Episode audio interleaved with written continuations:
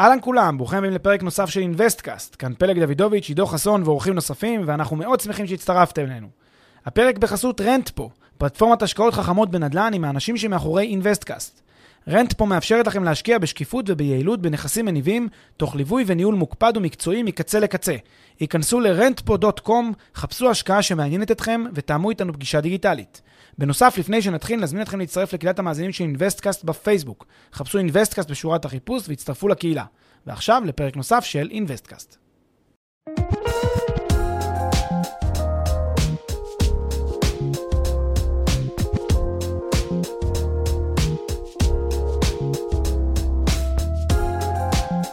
היום אה, שיחות על יזמות, ואנחנו שמחים לארח את מקס פרידמן.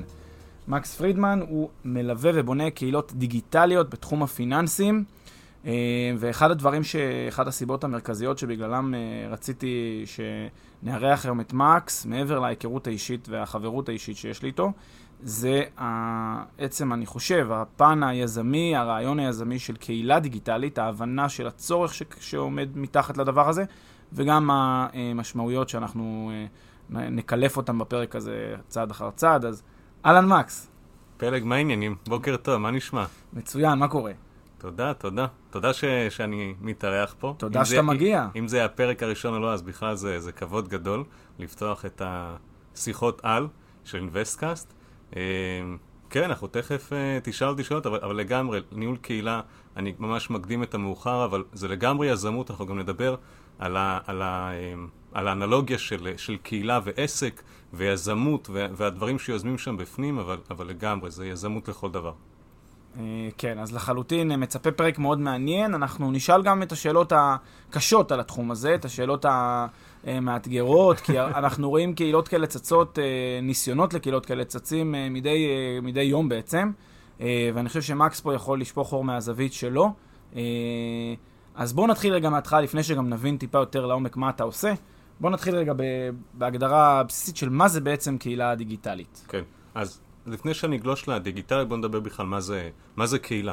מה זה קומיוניטי? אז בצורה הכי פשט, פשטנית אפשר להגיד שקהילה זה קבוצה של אנשים שיש להם איזשהו תחום עניין דומה, והם חוברים יחד אה, כדי לקדם איזושהי אג'נדה, איזושהי מטרה משותפת, ומה שהדיגיטל ש, שנכנס שם בקהילה דיגיטלית, מה שהוא מסייע בו זה שהוא מבטל את המרחק הפיזי. אה, תכף נדבר גם על זה, אבל הקהילות המסורתיות יותר, הן היו יותר על הפן הפיזי. היינו נפגשים, באמת יש איזושהי קהילה כמו קיבוץ, כמו מתנ"ס קהילתי, אבל הדיגיטל בעצם אה, מבטל את המרחק הפיזי הזה, ככה שהשיח בין חברי הקהילה יכול להיות בכל העולם. כלומר, אני יכול לשבת בישראל, וחבר קהילה יושב באנגליה, ויש לנו שם את הפלטפורמה שאנחנו יכולים לנהל את הדיון הקהילתי שלנו. כן, אז איך זה באמת uh, מחליף את ה... אתה אומר, מימד הפיזי, איזה עוד היבטים מתחלפים באמצעות קהילה דיגיטלית, באונליין, כן, ביחס אז, לקהילה אז? אז בגדול זה זה, כלומר, באמת, אם הקהילות המסורתיות, אם היו uh, מבוססות על מקום פיזי, כמו שאת קיבוצים, מרכזים קהילתיים, ו- והקהילה הדתית לצורך העניין, כלומר, זה תמיד סביב איזשהו מקום פיזי שבאים חברי הקהילה ו- ומתכנסים בו, אז, אז היום הדיגיטל, בין אם זה, תכף נדבר על פלטפורמות הדיגיטליות, שזה יכול להיות פייסבוק ואינסטגרם ולינקדין ווואטסאפ וטלגרם, כלומר, הוא באמת נותן לנו את, ה- את האופציה לנהל את השיח הקהילתי מכל מקום, בכל זמן, אתה יודע, ופשוט עולה לשם איזשהו תוכן, ואנשים יכולים להתדיין לגביו בכל נקודה אה, בעולם, לצורך העניין. אז uh, בגדול זה, זה מה שהדיגיטל מעניק, זה האלמנט שהדיגיטל מעניק לנו ל, ל, לקהילה. כן, אז uh, איזה יתרונות וחסרונות אתה גוזר מהמעבר הזה לדיגיטל בהקשר של קהילות? כן, אז, אז בכלל הייתי אומר, אני לא יודע אם זה ספציפית הדיגיטל, זה זה שהוא מעניק לנו את האופציה שחברי קהילה באמת יכולים להיות מגוונים ומכל ה, העולם ובכל השפות, אבל היתרונות המרכזיים זה שבאמת המטרה של קהילה שבאמת תעניק איזשהו איזשהו ערך לכל, לכל החברים בה, לכל המשתתפים. תכף גם נפרוט את, ה, את הסוגים של הקהלים שיש בקהילה, אבל, אבל בגדול כולם מקבלים שם ערך, או לפחות המטרה שהיא שכולם יקבלו שם ערך. כשיש קהילה אמיתית, אז באמת אה, כל הקהלים מקבלים שם ערך וזה זה, זה חד-חד ערכי, כלומר זה חייב לקרות.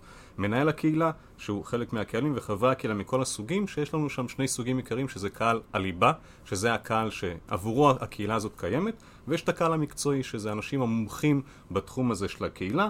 אה, לגבי חסרונות, אני יכול להעיד אה, באופן אישי שזה, אני לא יודע אם זה חיסרון, אבל, אבל בוא נגיד שזה אחד האתגרים ש, שתמיד כששואלים אותי אה, איך, איך, איך מתחילים לבנות קהילה, אז, אז בוא נגיד שאני הדבר הראשון שאני אומר אני קודם מוריד אותם, ואני אומר תקשיבו, זה דורש המון המון זמן, המון אנרגיה והמון יחס. כלומר, בסופו של דבר חייב להיות איזשהו בן אדם שהוא service אה, oriented, כי אתה נותן המון המון יחס לחברי הקהילה שלך.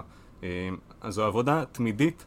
אה, אה, וצריך כל הזמן לחדש ולהניע מחדש ו- ולהעלות תכנים חדשים ולחשוב רעיונות חדשים כל הזמן שאף פעם לא יהיה משעמם, שתמיד יהיה מעניין, שזה תמיד יהיה בתנועה אנחנו שוב פעם, אנחנו תוך, כל הזמן ניגע בנקודה הזאת, קהילה זה עסק לכל דבר. אז כמו שצריך לקדם את העסק ו- וכל הזמן לחשוב על דברים חדשים ומוצרים חדשים, אז ממש ככה גם בקהילה. זה כל הזמן צריך להיות חדש וכל הזמן צריך לדעת איך להניע אותה. מעניין, האמת, מעניין אותי לשמוע מה אתה חושב. בעצם מה, כשהיו יושבים אה, בחדר האוכל בקיבוץ, יושבים האנשים, אז גם היה איזה מין קואורדינטור כזה שמארגן את כולם, ואז הוא יוצר את הפעילות ויוצר את האירועי חברה, כי הוא נותן מהזמן שלו, מהאפורט שלו כדי ליצור, או שאתה חושב שגם יש, או שלפחות בקהילות המסורתיות, היה את, גם את הרוח הזאת, הקהילתית, שאנ... שאם זה לא אני, אז מישהו אחר ימלא את מקומי, ו...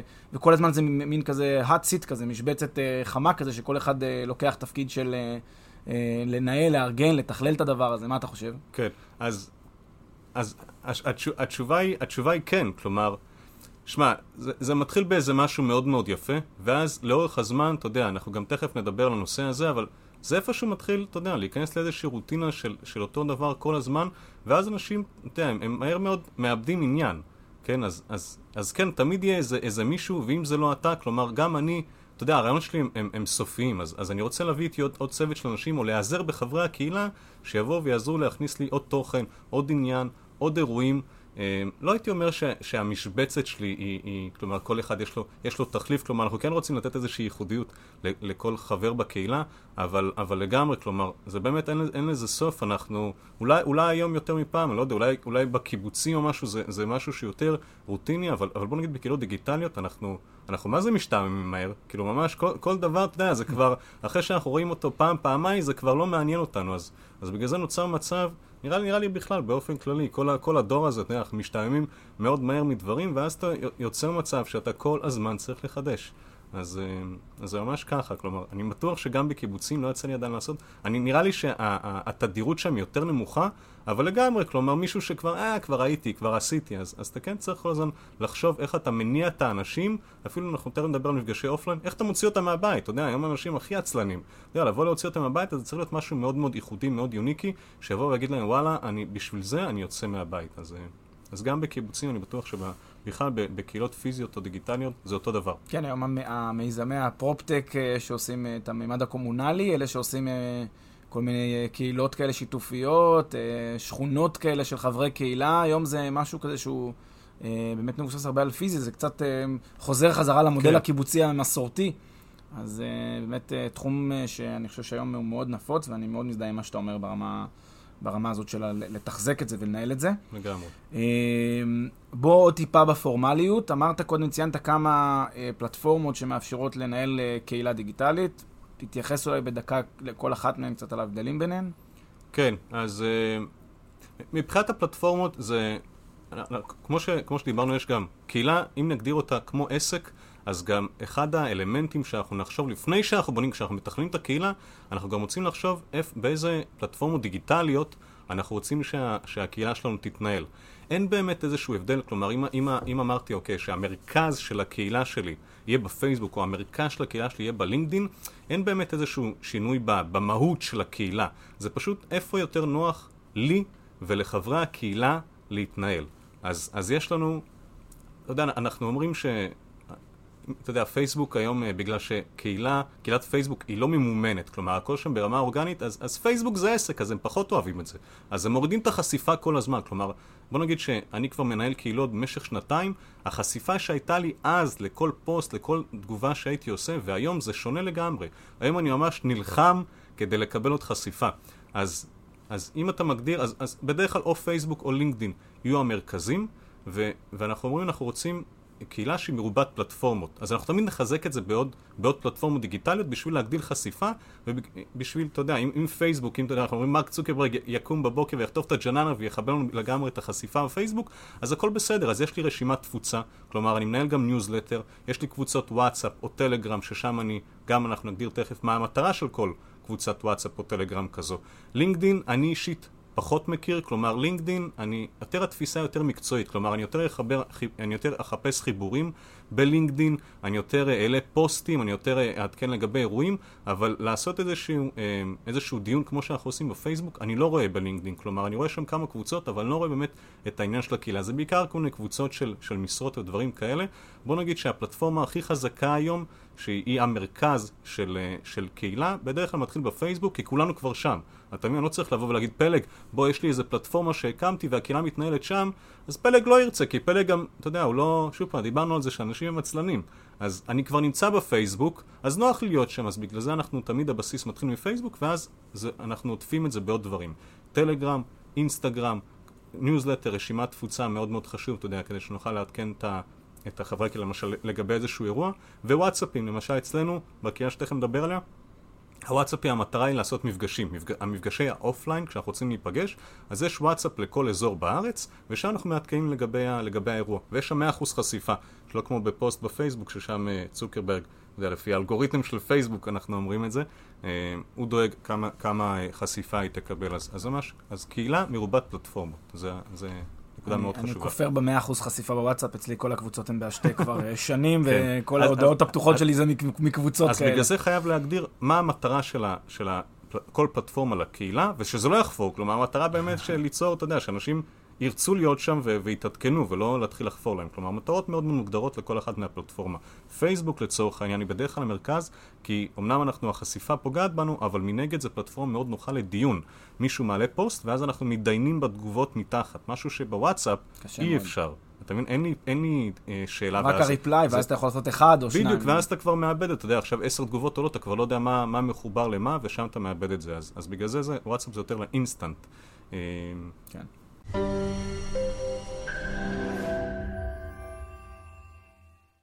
לפני שנמשיך, כמה שניות מזמנכם. הפרק בחסות רנטפו, פלטפורמת השקעות חכמות בנדל"ן עם האנשים שמאחורי אינוויסטקאסט. רנטפו מאפשרת לכם להשקיע בשקיפות וביעילות בנכסים מניבים, תוך ליווי וניהול מוקפד ומקצועי מקצה לקצה. היכנסו ל-rentpo.com, חפשו השקעה שמעניינת אתכם, ותאמו איתנו פגישה דיגיטלית.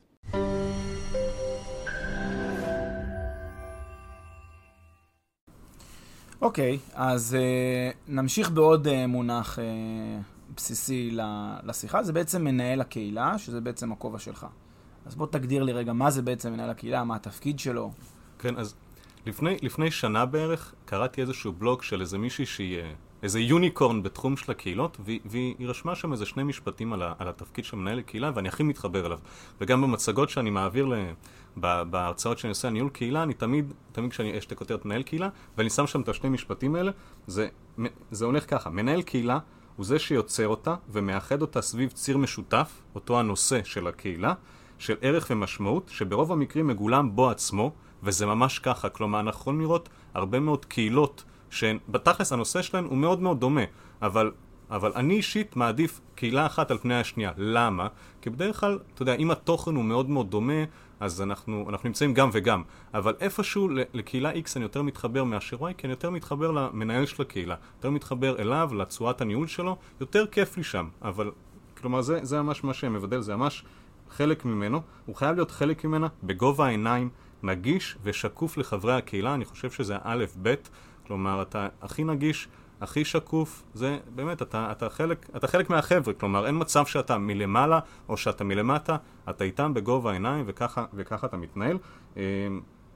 האני מאמין שלי זה שמנהל הקהילה זה לא, אנחנו, אתה יודע, אנחנו אומרים שהוא לא מנהל קהילה, הוא מוביל קהילה, או שהוא הפסיליטייטור, כלומר הוא מעניק המרחב. אז כל מה שהוא עושה בתכלס, לפי דעתי, זה להעניק את המרחב הזה שנקרא קהילה, או הפסיליטייטור, וברגע שה-state of mind של מנהל הקהילה שזה ה-state of mind של מנהל הקהילה, כלומר שהוא הפסיליטייטור ולא הוא המנהל של הקהילה, אה, רק אז אפשר באמת להתחיל אה, בבניית הקהילה, כי אז זה מתחיל מאיזשהו, מאיזושהי נקודה שאנשים מאוד מאוד מתחברים אליה. כלומר, אני כאן בשבילם, אני רוצה להעניק את המרחב הזה עבורם, וכל מה שאני עושה זה רק לתחום את המרחב הזה כדי שזה לא יהיה עכשיו איזשהו תוהו ובוהו, וזהו, אני מעניק להם את האפשרות לבטא את עצמם, אני מעניק להם את האפשרות להרגיש שייך לדבר הזה, וזהו, אני, אני בסך הכל, ה, ה, לא יודע, זה כמו שוער, אני לא יודע, זה כמו איזה גולקיפר, או כמו איזה, כמו איזה שומר של, של איזה, של מרחב משהו. אז זה מה שהוא עושה, זה, זה מנהל הקהילה. איך שאני רואה את זה. כן, מעין אה, שומר אה, סף כזה. ממש של שומר ה... סף, אבל לא בקטע של השומר סף, אתה יודע, הוא לא עומד כזה עם גרזן בפתח, הוא ממש, הוא, הוא מאפשר את, ה- את הדבר הזה לקרות, והוא מאפשר את זה לפי כללים. בדיוק, זה, זה דווקא מה, ש, מה שאני חושב שיפה במודל הזה. זאת אומרת, הקו הזה שהלכת על שומר סף, דווקא אני מתחבר אליו מאוד, כי הוא מעין, אם, אם, אם, אם המנהל קהילה מבין את המקום שלו, אז התפקיד שלו זה לשמור על אה, גבולות השיח, אבל לא, לא, לא, לא להכתיב את השיח. לא... ואז בסוף הוא, התפקיד שלו הוא מעין כמו... אה, אה, כמו רגולטור כזה, כמו מישהו כן. שמנהל את, האסור והמותר, אבל לא, לא, ואז מהווה פלטפורמה בעצם, לגמרי. לשמש את המטרה שלה. לגמרי, לגמרי. הוא פתח את הפלטפורמה, הוא עומד שם, הוא, מעני, הוא נותן את הבמה לחברים, והוא רק דואג, אתה יודע, שזה יש, ישמור על, ה, על הקווים המנחים, שאתה יודע, עוד פעם, חזרנו, אנחנו חוזרים להאמין זה מנהל הקהילה, ש, שהוא מאמין בהם, ו- וככה הוא רוצה שהקהילה שלו תיראה, אבל לגמרי, הוא נותן את, המר, הוא נותן את המרחב.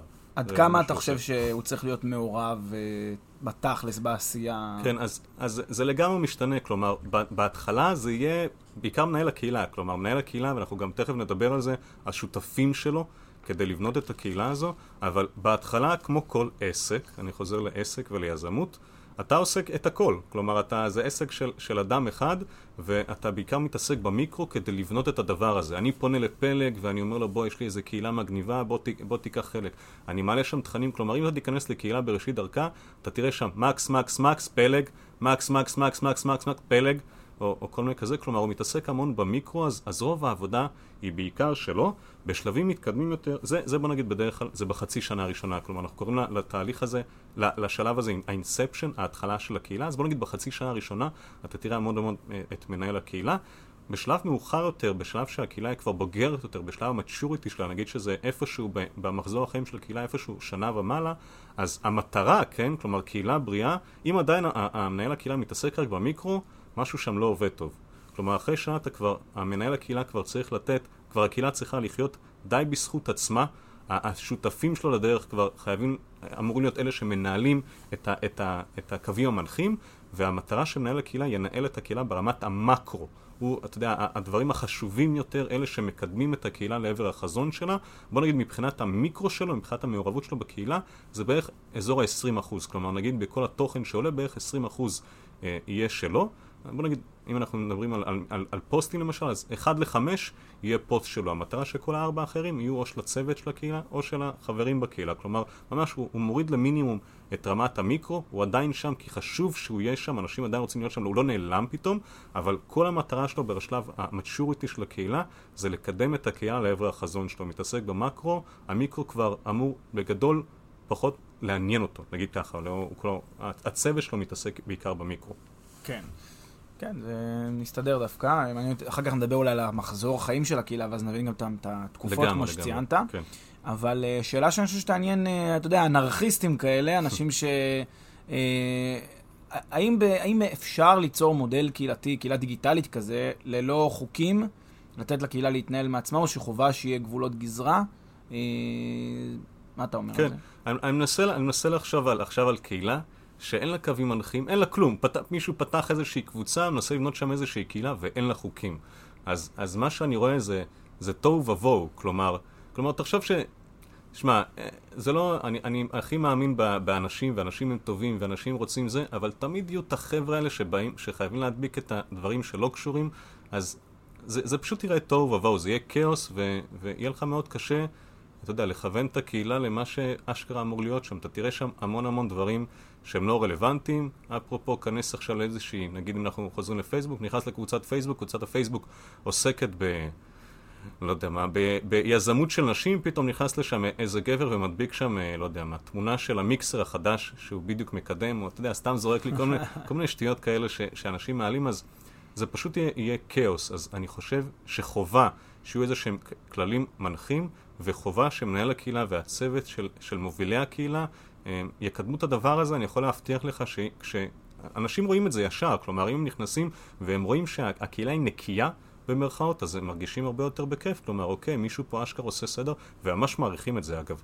ואם אתה תיכנס ואתה תראה כל מיני שיט שזרוק שם בפנים וכל אחד מכ... מעלה, מכניס את מה, את מה שבא לו, אז קודם כל אין לנו באמת פה איזושהי קהילה, איזשהו כיוון קהילתי, זה פשוט כאוס, וללא חוקים אין לנו באמת, אין לנו באמת מרחב בטוח של הקהילה. אין, אין סיכוי שזה יקרה. זה הולך להיות אה, משהו שאני תכף אשאל אותך, אז אני לא, לא אעמיק בתשובה עכשיו, אבל אין בעיה. המתח הזה שבין להיות באמת זה שמחולל את החוקים וזה, ואז עד לנקודה שכבר מגיע לשיכרון כוח, כמו שיש בחלק מהקהילות.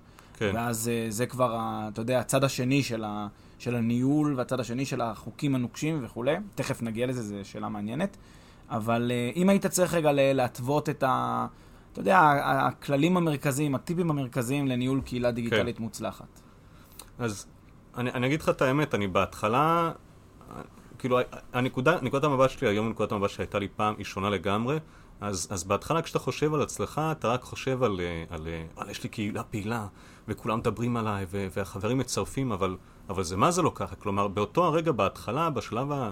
בשנה הראשונה של הקהילה, אז בוא נגיד, אולי זה, זה ממש עושה לך הרבה מאוד גאווה, שאתה רואה שהקהילה שלך מאוד פעילה וגועשת, ואנשים מדברים על זה, וכולם רוצים להיות שם, אבל, אבל בלונגרן, המודל הזה לא עובד. כלומר, שוב פעם, אני חוזר לעניין של, של עסק ויזמות, והאנלוגיה שלה לקהילה. אם לא בנית נכון את הקהילה שלך, את המיזם שלך, בלונגרן הוא פשוט יקרוס. אה, אז אם ניקח איזה כמה, כמה כללים ק- קצרים ומרכזיים, אז, אז היום אה, אני יכול להגיד לך שקהילה, קהילה מוצלחת זה קהילה שקודם כל יש לה חזון ויש לה איזשהו מישן, איזושהי משימה, כלומר אם אין לך איזשהו יעד, איזושהי מטרה, איזושהי תמונת ניצחון, הקהילה שלך היא סתם, אתה תקום בבוקר, אתה תגיב אליה, ואז ככה זה יהיה הכי אינטואיטיבי, כלומר ברגע שאתה מוציא את האינטואיציה שלך כמנהל קהילה, באמת קובע לה איזשהו, איזושהי מטרה, רק אז הקהילה באמת תהפוך לקהילה ותתחיל, יודע, אתה תקדם אותה, כלומר אתה תדע לאן אתה הולך. שוב פעם, חזון ומשימה, אני חושב שזה א'-ב'.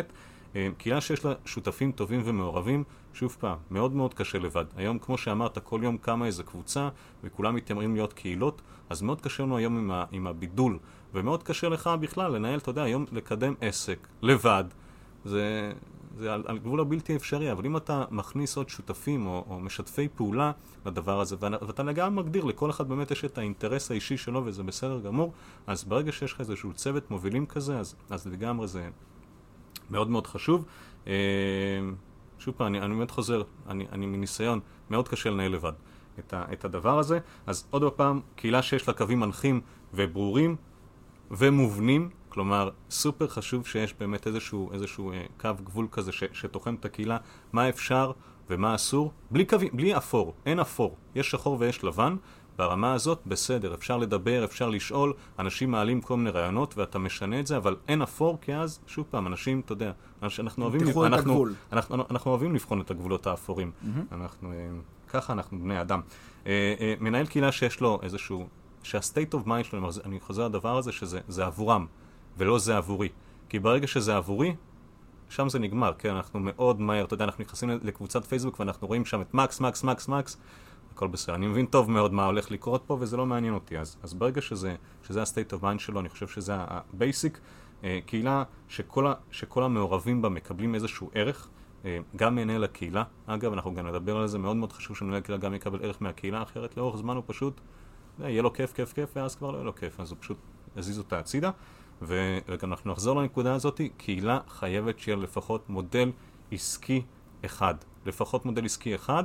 אה, אנחנו נדבר גם על זה, אבל... אה, וגם על מה שאני אגיד תכף, אבל אחד המ... קראתי לא מזמן מאמר, אני לא זוכר אם דיברו על שנת 2018 או 2019, מרבית הקהילות באותה שנה נסגרו, כי פשוט לא היה להם מודל כלכלי אה, בר קיימא, יכול להיות שהיה להם שם איזה כמה, כמה דברים שהם פשוט אה, אה, קמו ו... וגבעו, אבל או שאנשים עשו את זה בהתנדבות מלאה.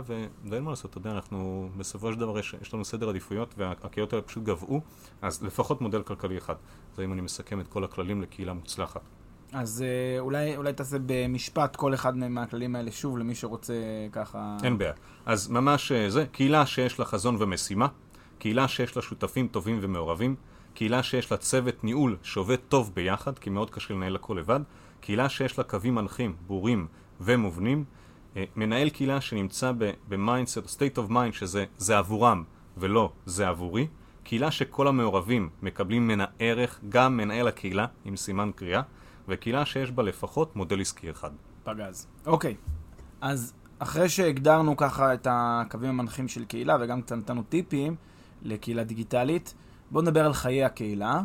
אה, וכל הזמן כחוט השני דיברת על הנושא של מעורבות של חברים. אז בוא ספר איך בעצם יוצרים את ה engagement של אה, חברי הקהילה בעצם.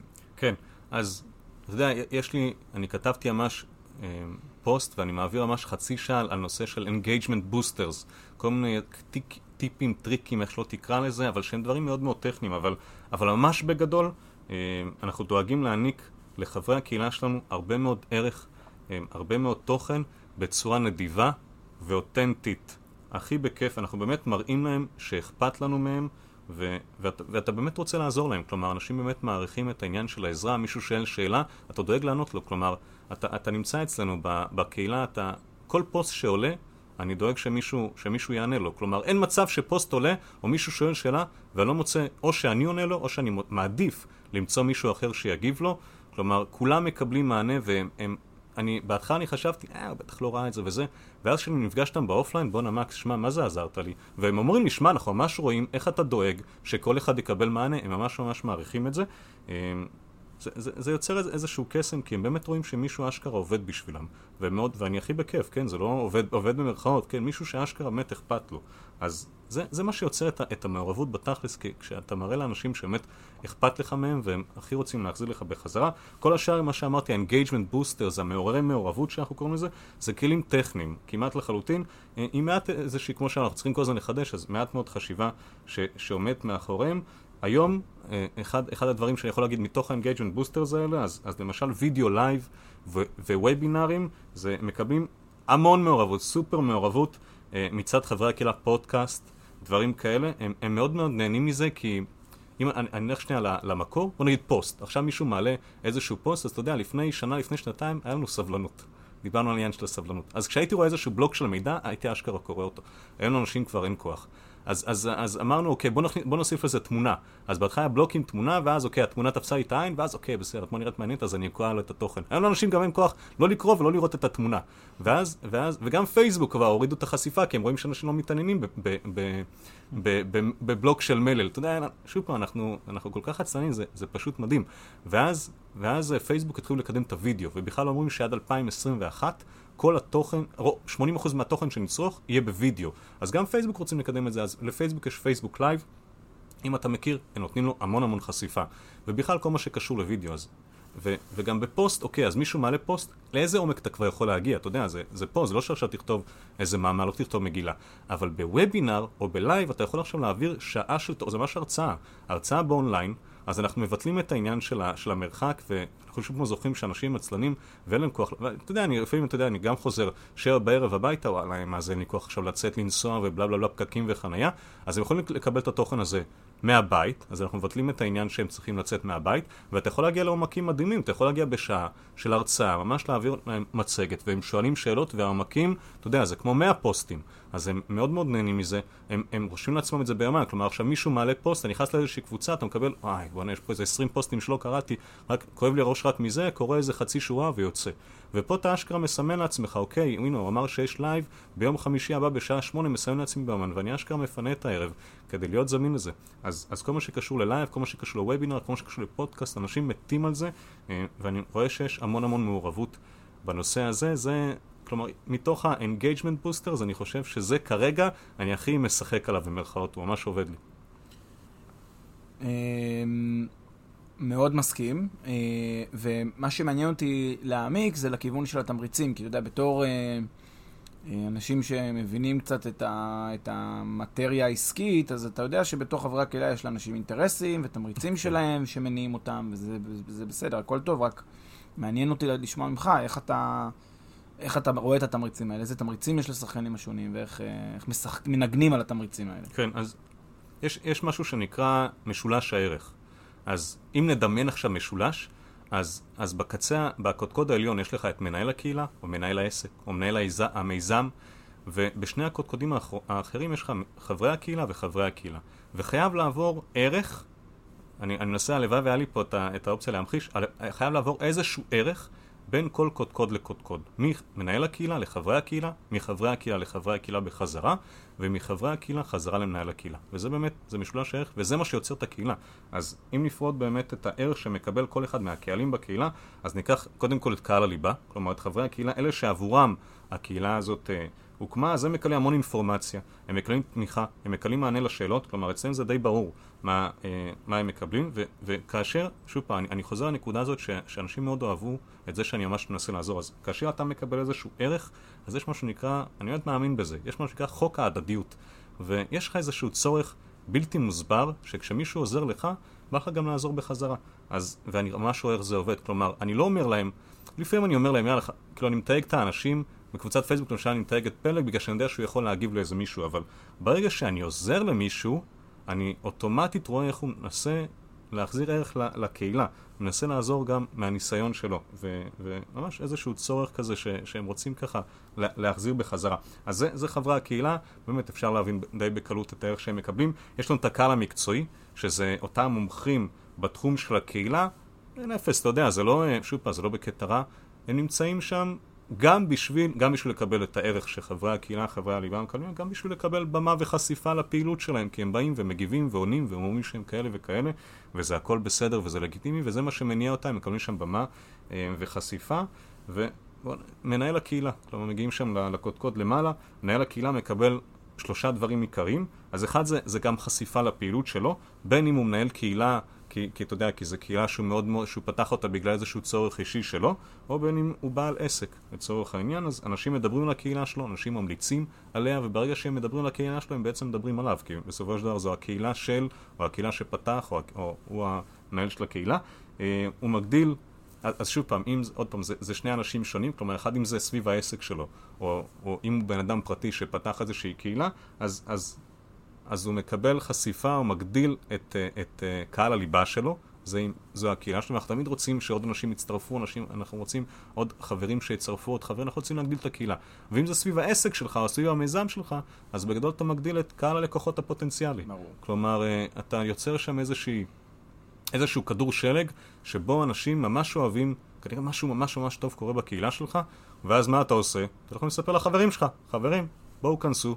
בואו תראו מה קורה פה, תראו איזה, איזה מגניב, תראו איך, איך פלג, איך מקס, תראו איזה, איזה הוויה מטורפת הם יצרו פה, אתם תקבלו פה המון המון ערך, ממש ממליצים לכם. זה כמו שחבר, זה, פלא אוזן, זה השיווק הכי טוב שיש, ואתה לא עושה כלום, כלומר, הם, אתה לא, אתה לא עושה שיווק החוצה, השיווק הוא פנימה, אתה לא עושה שום דבר, אתה רק באמת מטפח את הקהילה הזאת, ואנשים כבר, כבר באים אליך, ואין אפס. כלומר, כשאנשים שואלים אותי, מה אני צריך קהילה, או זה, אתה יודע, בעיקר, בעיקר יזמים, אז אני אומר להם שזה בונה אותם בתור אוטוריטה בתחום שלהם. זה, זה קורה בצורה, אה, שוב פעם, אם אתה עושה את זה בצורה חכמה, ולא אני ואני ואני ואני, אם אתה עושה את זה עבורם, באמת מטפח את הקהילה שלך, זה בונה אותך בתור אוטוריטה אה, בתחום שלך. אז אני תמיד, ואז אומרים לי, לא יודע, אני לא, אני לא סגור על זה, ואז אני אומר, תגיד, אתה, אתה חבר באיזה שהן קבוצות פייסבוק לצורך העניין? הוא אומר לי, כן. אז, אז תגיד, מה אתה חושב על המנהל של הקהילה? זה, וואלה, האמת ש, שיש בזה משהו, הוא אוטוריטה בתחום שלו. ותגיד, אם עכשיו הייתה, יש איזה קהילה בשם התוכניסטים, בסדר, יש בחור בשם נאור נרקיס, אז הוא איש תוכן. ואז כל פעם שמישהו רוצה, חברים, מישהו יכול להמליץ על איש תוכן, מישהו יכול להמליץ על בלה בלה בלה, אז תמיד מתייגים אותו. ואז אני שואל אותם, תגידו, אתם אי פעם לקחתם את השירותים שלו? אז אומרים לי, לא. אז איך אתם יודעים, איך אתם יודעים לתייג אותו, איך אתם יודעים להמליץ עליו? אז אמרו, אתה יודע, אנחנו אפילו לא חשבנו על זה, אבל ברגע שאתה מנהל קהילה, אז יש לך איזושהי הילה מעל הראש, ואז אנשים תופסים ממך אוטוריטה בתחום. כי אתה, שוב פעם, הוא באמת מעניק המון המון ערך, אבל הם מעולם לא לקחו את השירותים שלו, אז הם יכולים להמליץ עליו. אז באמת זה משהו שקורה בצורה אה, די טבעית. כן, בהחלט, זה מאוד, אה, מאוד מובן, אה, במיוחד ברגע שזו קהילה שהיא מוכוונת סביב איזשהו מישהו שהוא מנהל הקהילה, שהוא גם מקצועי בתחום, זאת אומרת שהוא בא מהתחום הזה ולא מישהו שהוא... אה, בכובע של מנהל כן, קהילה כן. לשם ניהול הקהילה. לגמרי, כי יש גם את המצבים האלה, שזה די לדעתי המצב שלך. כלומר, זה ממש ניהול קהילה כ-way of living. ולדעתי היית יכול להיות מנהל קהילה לבישול, ומנהל קהילה ל... לא יודע מה, לזה, לטיולים בחו"ל, היית יכול לעשות כן. אותו דבר לדעתי באותו, באותו אופן, כי זה, זה, זה האופ... כן. יש, יש דבר אחד שאתה יודע, גם לפעמים פונים אליי, אתה יודע, אני עושה כל מיני ייעוצים בנושא בניית קהילה, והבסיס הוא אותו בסיס, אבל שוב פעם, ועם כל הכבוד ל... פנו, פנו לאיזה כמה, הנה בדיוק לי, הייתה לי שיחת ייעוץ לא מזמן על מישהו שרוצה לבנות קהילה סביב uh, HR, mm-hmm. סביב מנהלי HR ו- וכאלה, ואני פשוט לא מתחבר ל... אני יכול להסביר לה את הבסיס או מה היא צריכה לעשות, אבל אבל בוא נגיד אם היית אומרת לי, בוא תנהל לי את הקהילה, אז הייתי אומר לה, שמע, זה, זה, זה פחות התוכן שלי. כלומר, אני מאוד חושב ש, שמנהל הקהילה גם צריך איפשהו שיהיה לו איזשהו משהו בזהות שלו, שהוא מתחבר לעולם התוכן הזה, אחרת זה יהיה, זה יהיה מאוד כזה... מאוד סיסטמטי, זה יהיה מאוד טכני, אני לא אנהל את זה, אתה יודע, כי יש לי איזשהו פשן לתחום הזה, אני אנהל את זה כי, כי, כי משלמת לי על זה, או כי, כי יודע, משהו כזה, כלומר זה יהיה מאוד טכני. כן. אז אני, אני כן מאמין שמנהלי הקהילה, למרות שהם יודעים איך לבנות, והם יודעים את הפעולות הטכניות שצריך, אתה יודע, בסופו של דבר אתה יוצר איזשהו מודל, איך אני בונה קהילה.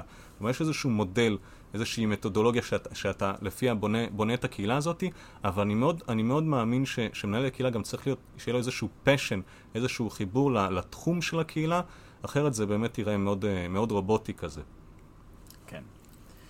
אוקיי, okay, uh, having said that, עד כמה okay. כן. התהליך הוא בעצם uh, טבעי, ועד כמה היית אומר שיש איזושהי מלאכותיות? זה די okay. כן. מתכתב עם מה שהרגע גם אמרת. נכון, נכון, יש... Uh, אז, אז, בוא ניקח, אז בוא ניקח את הקהילה שיש למנהל הקהילה פשן לתחום של הקהילה, אז, אז, אז לא הייתי אומר לזה שזה, שזה מלאכותי, אבל זה חצי מלאכותי, בסדר? אז בוא נגיד שממש בהתחלה אה, ושוב פעם, זה גם משהו שלמדתי, שאני רואה בהסתכלות אחורה, כי אז רציתי לעשות הכל לבד, לבד, לבד, אבל כמו שאמרתי, זה מאוד מאוד קשה. אז בהתחלה היום אחת השיטות ליצור, כמו שאמרת, יש להם עודף היצע של קהילות. כולם, אתה יודע, כבר יש הכל מהכל, כבר כולם עשו, הכל יש קהילה לכל דבר, לא יודע מה, לזוחלים, ש... לא יודע. הכל, כל, כל דבר יש להם איזושהי קבוצה, והכל בסדר, אתה יודע, אנשים שמתחברים לזה, אז, אז זה מעולה וזה מדהים, והם מקבלים שם באמת איזשהו תוכן, אבל ממש בהתחלה, אז אנחנו, מנהלי קהילה, משתמשים במשהו שנקרא, אנחנו קוראים לזה שתולים. ו- והשתולים האלה זה לא באמת, הם, הם לא באמת אה, אה, שתולים, אבל זה כמה אנשים שהם לרוב אנשים שהם או מקורבים למנהל הקהילה, או אנשי מקצוע, משהו שאני, למשל אני, בגלל שאני מנהל קהילה מקצועית בתחום של ההשקעות, אז היה לי יותר נוח לפנות לאנשים שמתמחים בתחום הזה של ההשקעות ו- ולבקש מהם עזרה. כלומר, להגיד להם, שמעו, אני רוצה להרים איזושהי קהילה בתחום הזה, ואז אני באמת רואה איזשהו צורך ש- שקיים לא רק לי, קיים לה- להרבה מאוד אנשים, ואני ממש אשמח קודם כל אתם תקבלו איזה במה לעשייה שלכם, באמת תקבלו, באמת, אה, גם אתם תקבלו המון המון ערך, אבל אתה רותם אותם, אתה רותם אותם לדבר הזה, והמטרה באמת להניע את הקהילה, להרים אותה, לפחות בשלבים התחלתיים, בצורה פיקטיבית. כי, כי ממש אה, תיאוריית השתולים, יש משהו, אנחנו קוראים לזה תיאוריית השתולים, מזה, מזה זה נובע. תיאוריית השתולים אומרת שאנחנו בני אדם לעולם נהיה הראשונים לעשות משהו. אז אם אנחנו ניקח שנייה עוד פעם קבוצת פייסבוק, אז עכשיו, בוא נגיד, אני ופלג אנחנו עכשיו מכירים ואני הכי מרגיש בנוח לבוא ולהגיב לו וזה, אבל בוא נגיד אני ופלג אנשים, שני אנשים זרים, ועכשיו פלג מעלה איזושהי שאלה. אז אין מצב בעולם, כלומר, תחשבו על, על, על עצמכם, האם תהיו הראשונים לעשות לו לייק, האם תהיו הראשונים להגיב לו, האם תהיו הראשונים לעשות לו share, אתה יודע, היום כבר share זה נהיה איזה... מישהי אמרה לי משהו מאוד מאוד יפה, היא אמרה לי כן, אבל, אתה יודע, היום זה כבר כמו תשלום, זה, זה התשלום שאנחנו נותנים למעלה הפוסט, זה שאני עושה לו לייק, זה שאני נותן לו תגובה, עושה לו share, זה כאילו אני משלם בכסף שלי, אז אנשים היום לא אוהבים. הם, הם, הם, הם חושבים פעם לפני שהם משלמים בדברים האלה, אז זה בדיוק התפקיד של השתולים. התפקיד של השתולים זה להיות הראשונים לעשות איזה משהו, להתחיל את הדבר הזה, ואז אנשים הרבה יותר נוח להם להצטרף. אז אם עכשיו פלג הוא השתול אצלי, אצלי בקהילה, אז אני שולח לו איזו הודעה, פלג, בדיוק העליתי איזו שאלה, שאלה, תעשה טובה, תה, תעשה איזה תגובה שם. ואז בהתחלה זה ייראה מאוד מאוד מוזר, זה, בשלבים הראשונים זה יהיה, אני מעלה פוסט, פלג עונה לי, אני עונה לפלג, פלג עונה לי, אני עונה לפלג, ואז פתאום איזה, איזה מישהו שהוא צופה מהצד יגיד, וואלה, איזה קטע, בדיוק פלג ענה משהו שאני בול חושב על זה, ובא לי גם להגיב. ואז בדיוק, ואז הוא מגיב, ואז אני מגיב לו, ועוד פעם מישהו מצטרף, וכך אנחנו בעצם מתניעים את הדבר הזה בהתחלה. פלג יעלה שאלות אפילו, אה, אה, פלג יעלה שאלות אפילו שהן פיקטיביות, רק, והוא יזמין אנשים, בואו חברים, תגידו מה אתם חושבים, וככה אנחנו באמת יוצרים את זה. יש איזשהו גרעין ראשוני שהוא uh, פיקטיבי, אנחנו אומרים, אנחנו אומרים fake it till you make it, uh, שהמטרה שלו זה רק להתניע את הדבר הזה בהתחלה, ואז אנשים מתחילים להיכנס ולהתחבר. שוב פעם, אותם המומחים, אותם האנשים, אותם הפעולות הפיקטיביות זה המון המון ערך, והתוכן הוא אמיתי ואותנטי, פשוט לוקח לאנשים בהתחלה, הם נכנסים ואנחנו מאוד מאוד, אה, מאוד אדישים בהתחלה, אנשים, אז זו המטרה, זה המטרה זה להוציא אותם מהאדישות הזאת, ואז לאט לאט הם נכנסים ומרגישים יותר בנוח, וכשבן אדם כבר עושה את הפעולה הראשונית, המעבר בין, לא לעשות, בין להיות צופה מהצד לעשות פעולה ראשונה, הוא, הוא by far יותר גדול מהפעולה הראשונה לפעולה השנייה. כי אז אחרי הפעולה הראשונה זה כאילו, זהו, אני כבר, כבר לא חושש, אני לא מפחד, אני כבר הגבתי, אז אין לי בעיה לעשות את זה עוד פעם, ו- וככה, וכ- וזה מה שקורה בהתחלה. בשלבים מתקדמים יותר, כאשר, כאשר uh, חברי הקהילה כבר יוצאים מהאדישות שלהם המאפיינת אותנו כבני אדם, אז הקהילה גדלה ומתרחבת בצורה טבעית לחלוטין. אנשים מגיבים כי הם כבר הגיבו וכבר רגילים להגיב, כי אנשים אחרים כמוהם כבר מגיבים. ו- אה, וזה, והכי נוח לי, אתה יודע, כש, כשפלג, שהוא בן אדם פרטי כמוני, בא ומגיב, אז וואלה, גם לי, אתה יודע, הנה, השד לא כזה נורא, וגם אני רוצה להגיב לו, וגם, אני, ושוב פעם, הדבר הזה מתחיל, מתחיל להתרומם, ואז אנשים כבר מצרפים עוד חברים לקהילה, אנשים כבר לבד מעלים שאלות, ואז הקהילה באמת מתחילה לחיות בזכות עצמה, שם זה טבעי ו- ואותנטי לחלוטין. בעיניי, עצם העובדה שיש את הפן המלאכותי הזה, את ה... את השתולים, אני לא בטוח כמה אנשים הופתעו מזה שזה קיים, מי, ש, מי שחבר בקהילות ו, וזה מפתיע אותו, אבל מה שדווקא אותי יותר, אה, כן, מה שמקסים בעיניי בדבר הזה, שזה בדיוק החיבור הזה בין יזמות, שיווק וקהילה דיגיטלית כזאת, כי זה בדיוק המקום שבו יצירתיות בשיווק. והבנה של מה, מה יניע, זאת אומרת, לראות קדימה. הרי הראשון שעשה את זה אי שם לפני, ב-2006, כשפייסבוק יצאו לדרך, כן. הראשון שחשב שכדי להניע את הקהילה וראה את הנולד, שזה יכול להיות משהו כר פורה לשיח ולשיתוף דעות, אז הוא אמר, אני צריך אבל כמה ראשונים, גרעין של ראשונים שיעשו את הדבר הזה.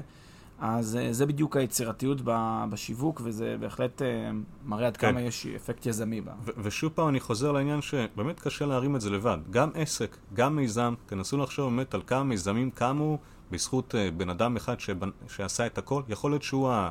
הוויזיונר, יש לו באמת את החזון, הוא, הוא, הוא מרים, אבל זה תמיד נעשה בשיתוף פעולה עם אנשים נוספים, וזה בעצם אותו הגרעין הראשוני. שהוא, הם לא חייבים להיות שותפים, הם לא חייבים, אוקיי, עכשיו אנחנו מחלקים את, ה, את הקהילה הזאת ב-10%, לי 10%, זה לא מעניין, כל אחד יש לו איזשהו, איזשהו אינטרס אישי ובריא שלו, במטרה באמת לקדם את, ה, את המיזם הזה שהוא נקרא קהילה, וזהו, וזה כל המטרה, כלומר, אנחנו חוברים יחד בשביל לקדם את האג'נדה הזאת.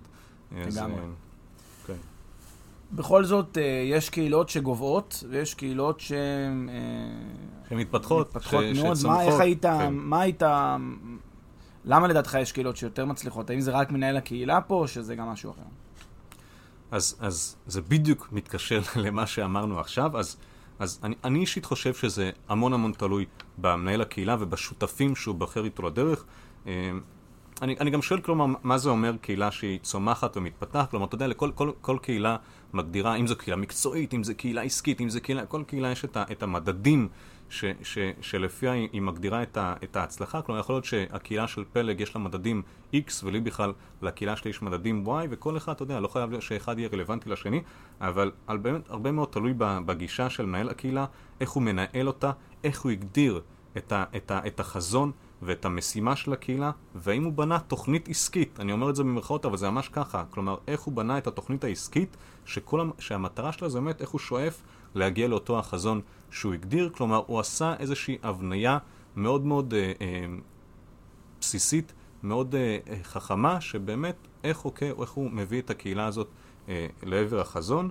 ממש בנה תוכנית עסקית, כלומר בתוכנית עסקית לקח לי הרבה מאוד זמן לעשות את התוכנית העסקית של העסק שלי, אבל כי, כי זה פשוט רשימה אינסופית של שאלות, אבל זה ממש ככה, כלומר גם יש משהו שנקרא קנבס אה, אה, קהילתי, שזה ממש ככה, זה רשימה ארוכה של שאלות, שכל דבר, אוקיי, למה הקהילה שלך קיימת? מי יהיו השותפים שלך? בלה כל מיני שאלות כאלה, שכשאתה מסיים את זה אתה אומר, בואנה, יש פה הרבה דברים שלא חשבתי עליהם, אז אני ממש ממליץ לכל מי שחושב לבנות קהילה או שכבר התחיל, ולחזור טיפה אחורה, ללכת לקנבס הקהילתי הזה, או התוכנית העסקית של הקהילה, ולענות על השאלות האלה, כי זה יצופו המון המון דברים שהוא בכלל אה, לא חשב עליהם. אם בוא נגיד בגדול כזה, בשורה התחתונה, אז קהילה מצליחה כאשר מה שקורה בה מתנהל מלמטה למעלה. מלמטה זה חברי, שוב פעם, זה לא, לא באמת יש פה איזה מעמדות, אבל, אבל בוא נגיד שזה מתנהל מחברי הקהילה למובילי הקהילה, ולא להפך. כלומר, יש, יש שתי צורות, אני יכול לבוא ולהגיד, אוקיי, X מעניין אותי, אז אני אבוא ואני מוריד את זה לחברי הקהילה. קחו X. אבל אני יכול להבטיח לך שלרוב, אולי כמה בודדים יתעניינו ב-X, אבל, אבל זה לא מעניין. כלומר, אבל תחשוב שאם אני הולך, אני אומר לפלג, פלג, מה חסר לך? מה אתה עוד צריך? מה עוד בא לך? ופלג אומר לי, ופלג מייצג קבוצה מאוד גדולה של אנשים. ואז אומר לי, מקס, אני רוצה את Y. ואז אני בא, נותן מענה ל-Y. אני אפילו, אתה יודע, זה, אני אפילו לא צריך לשווק, יצרתי את Y, ואז אני אומר, פלג ו- וכל החברים, קחו, הנה עשיתי לכם את Y. ואתה לא צריך, כלומר, אין סיכוי שפלג יגיד, אוקיי, אני לא רוצה את Y, Y לא בא לי בטוב. כי פלג ביקש את זה, אתה יודע, אני הולך לחברי הקהילה, אני שואל אותם מה הם רוצים, אני עוצר את זה, ואני הולך ונותן להם את זה. כלומר, זה הש- השיווק הכי קל שיש, כי אני בסך הכל נותן להם את מה שהם ביקשו. אז אם הם ביקשו איזשהו אירוע, לארח איזה מישהו באיזשהו כנס, אז אני יכול לבוא ולחשוב, אוקיי, וואלה, יכול להיות ש... ש, ש לא יודע מה, שאבי, אבי מעניין אותי, אז אני אלך ואני אוריד את זה למטה. אני אגיד, חברים, אני עושה כנס על, עם אבי. יהיה אחוז היענות מאוד מאוד נמוך, כלומר, בודדים יגיעו. אבל אם uh, אני אבוא וחברי הקהילה יגידו, מקס, תקשיב, בואנה, פלג תותח על, ת, ת, ת, תפנה אליו, תגיד תראה אם הוא מעניין uh, לבוא, לה, להעביר כנס לחברי הקהילה. אני הולך לפלג, פלג אומר לי כן, ואני אומר, חברים, פלג מגיע. אתה, אתה, אתה מבין? אז זה הכי קל. אז אם אתה מנהל את הקהילה מלמטה למעלה ואתה מבין את החשיבות של זה, אני חושב שזה המפתח לקהילה שהיא יותר מוצלחת, וכל הקהילות, כל הקהילות, בלי יוצא מן הכלל, שבאמת הצליחו והתפתחו והן חיות באמת... Uh, עברו את כל מחזור החיים של הקהילה, אז אתה באמת תראה שהן מתנהלות מלמטה למעלה אה, בצורה מובהקת. כן, באמת אה, מתכתב עם מה, שאתה, עם מה שאתה אמרת קודם על האירועים וכנסים. אני מניח שגם בסוף יש את, ה, את הירידה למימד האופלייני, ירידה לשטח. אה, זה מה, זה מגיע מצורך של, של הקהל, או שזה יוזמה, ואז מנסים לראות איך זה עובד? איך...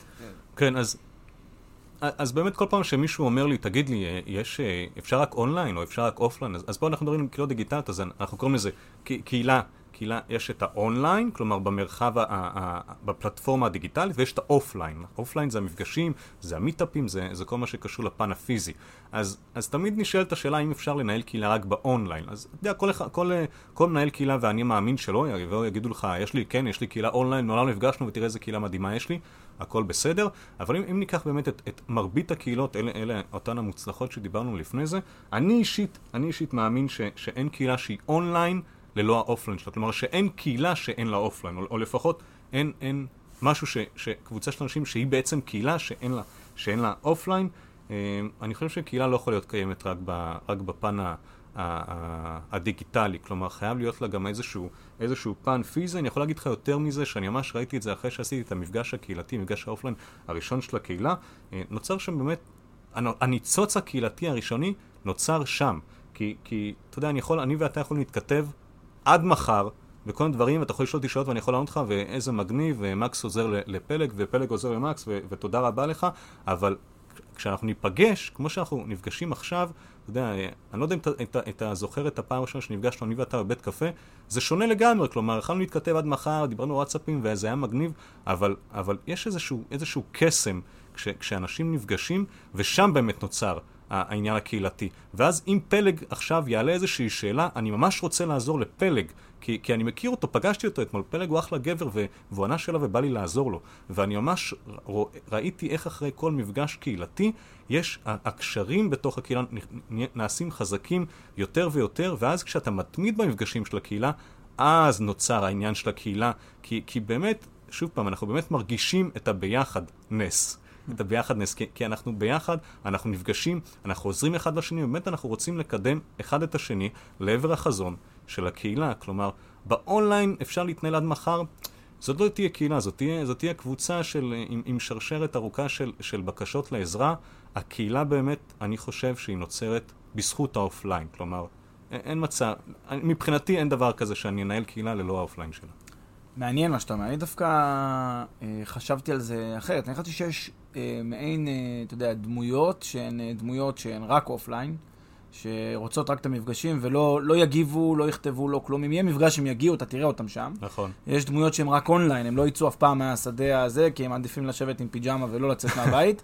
ויש, ה... ויש חלק שהם עושים גם וגם, זאת אומרת, גם פעילים באונליין, גם פעילים באופליין. ככה אני לפחות ציירתי את זה. אתה אומר ש... אתה, ממש לא מזהה שונות בין האנשים, כלומר מבחינתך אתה חושב שהניצוץ הקהילתי יצא, יצא בעצם באופליין. אני, אני מבין מה אתה אומר, לגמרי, לגמרי. יש את, יש את, אני גם רואה, אתה יודע, במפגשים שלי, אני רואה מי כותב הרבה ב, ב, ב, בקבוצה, ב, אבל לא מגיע למפגשים. אז, אז, אז זה נחמד, הוא מקבל, הוא מקבל ערך, הוא מקבל מענה, אבל הוא לא, הוא לא, כלומר, הוא כן חלק מזה, אבל שוב פעם, יש משהו באופליין שבאמת יוצר את, ה, את, ה, את החיבור בינינו. אנחנו, אה, אתה יודע, רוצים ל... בוא ניקח את העניין של ההנאה לפעולה. אם יש איזושהי קהילה מקצועית והנאה, ואנחנו רוצים שאנשים יעשו איזה משהו X, הוא יתכתב איתי עד מחר, סיכוי מאוד גבוה ש, שהוא לא יעשה באמת בסוף את, ה, את ה-X הזה.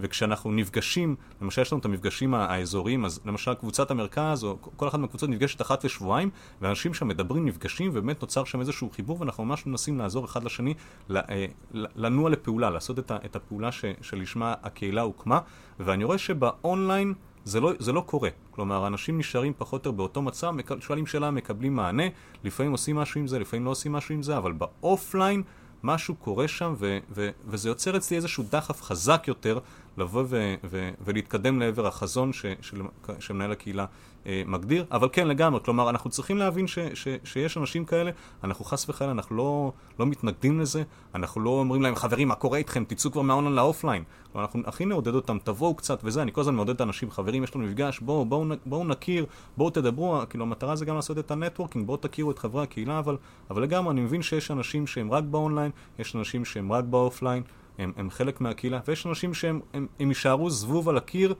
כל הזמן.